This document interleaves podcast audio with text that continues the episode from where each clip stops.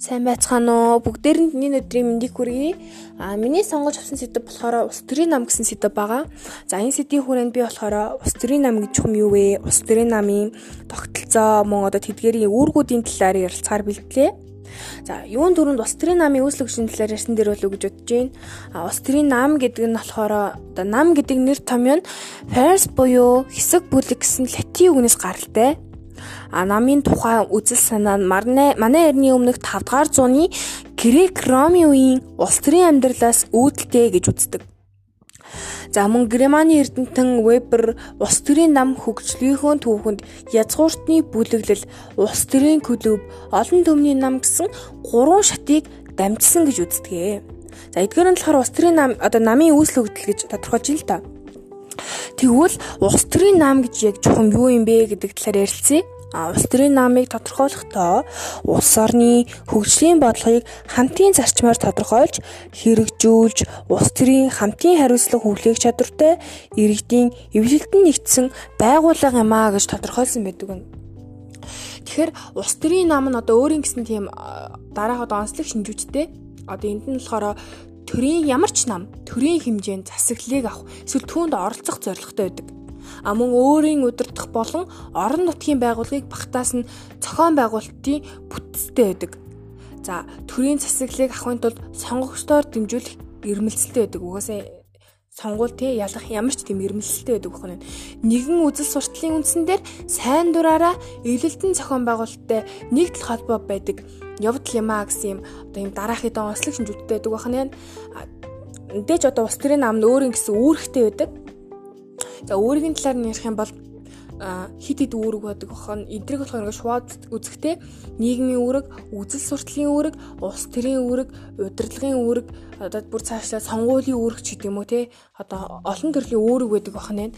Жишээлбэл нийгмийн аль нэг бүлгийн ашиг сонирхлыг илэрхийлэн хамгаалж тэдний шаардлагыг төр засгийн төвшөнд гаргаж тавьдаг юм нийгмийн үүрэгтэй нь байна За үзэл сурталын үүргийн хувьд тах юм бол намын үзэл сурталыг боловсруулах тий баримталж буй үзэл суртлаас сурталчлан дэлгэрүүлэх түгээ их хэмтчлэн за удирдлагын үүрэнд гэх юм бол үүргийн хүрээнд гэх юм бол төр засгийн эрхэнд буй намуудад хамаардаг ч юм уу тий одоо тодорхой хэмжээний юм үүргийн юм хуваарлттай тийм байдаг байх нь байна.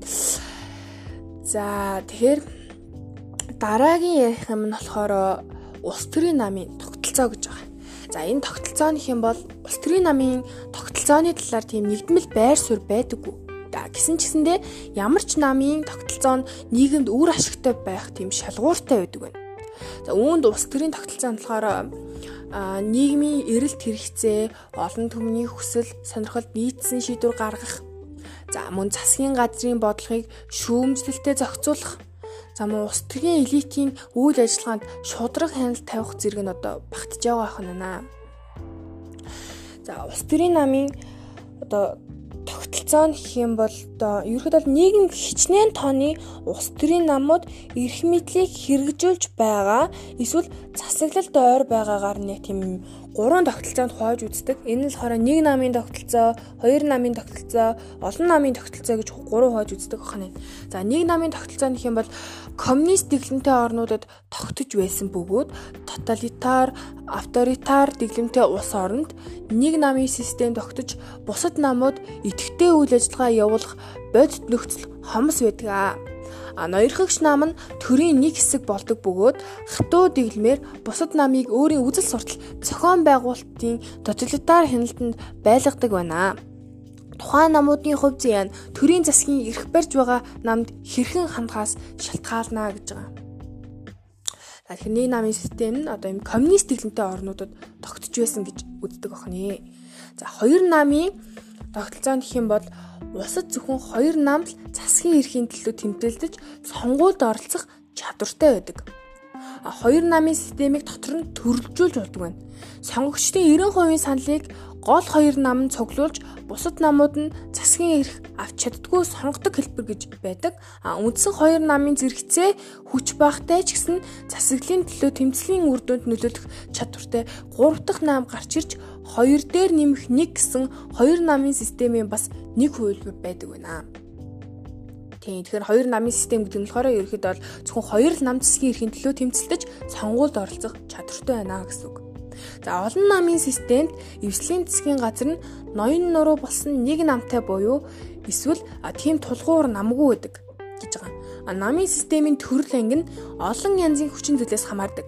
Нийгмийн системийн хөгжил төлөвшөлт сонгуулийн систем их нөлөөлдөг байгаа эдийн засгийн олон хөвшилтэй соёлтой үндэсний шашны болон бусад нийгмийн сонирхлуудыг нэгтгэн бүлэглэх институттэй нийгэмд олон намын систем төлөвшөж үйл ажиллагаагаа өрнүүлэх таатай нөхцөл бүрдсэн байдгаа гэж байна. Тэгэхээр олон намын систем гэдэг бол одоо өнөөгийн манай Монголын нийгэмд байгаа энэ одоо тогтолцоо байх нэ.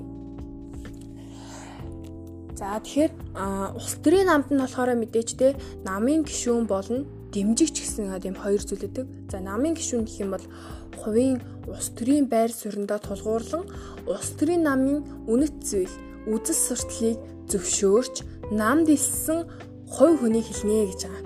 Тэгэхээр намын гишүүдээс нам бүрддэг. За дэмжигч гэж байгаа.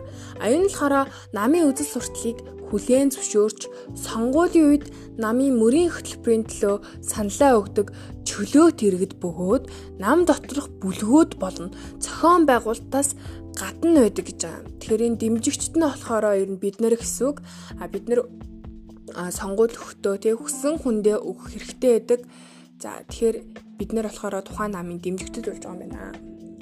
За улс төрийн намын санхүүжилт. За тал дээр ярих юм бол улс төрийн нам нь одоо оршиж те үйл ажиллагаагаа тогтмол явуулахын тулд одоо тэдгээрийн нэг үндэс нь бол мөнгө санхүүгийн асуудал юм а гэж байгаа. Намууд заяа санхүүжилтээ гişүүдийн татвар, хандив, төрийн санхүүжилт, намын үйл ажиллагаанаас олох орлого, намын сонин сэтгүүл, намын намын одоо худалдаа зэргээр бүрдүүлдэгэ гэж байгаа. Тэгэхээр улс төрийн нам тодорхой хэмжээний санхүүжилттэй байх хэрэгтэй байх нэ. За тэгэхээр одоо сүүлднийх юм бол хус төрийн намд одоо хүлээлгэх хариуцлагын арга хэмжээ гэж байгаа. Тэгэхээр алдаа гаргасан тий одоо ямар ч одоо хийсэн үйл ажиллагааныхаа хүрээнд хариуцлага хүлээх ёстой. Буруу зүйл хийсэн тохиолдолд. А энэ болохоор хөнгөнөөс хөндрүү байгаа. А энэ болохоор төрийн санхүүжилтийг багасгах хасах те. Мөнгөн торгуул буюу захиргааны арга хэмжээ авах гэж байгаа. Эрүүгийн хариуцлага хүлээлгэх За энэ нь болохоор оо тухайн намтын намын гишүүд хууль зөрчсөн тохиолдолд тийм эрүүгийн хариуцлага хүлээлгэх ёстой байх нь байна. А ус төрийн сонгуульд оролцох эрхийг нь хязгаарлах гэж байна. Мэдээж тэр асуудалд оролцсон тий зөрчил гаргасан тохиолдолд улс төрийн сонгуульд оролцох эрхийг нь хязгаарлаж хасах ёстой. За бүр цаашлаад улс төрийнх нь намыг татан буулгах гэсэн ийм энэ болохоор хамгийн хүнд хэлбэр гэж байгаа юм л да. Улс төрийн намыг татан буулгах гэсэн тийм хүнд үүрэг хариуцлага хүлээлгдэг бахнэ гэж байгаа. За тэгээд анхаарал тавьсан явдалд баярлалаа.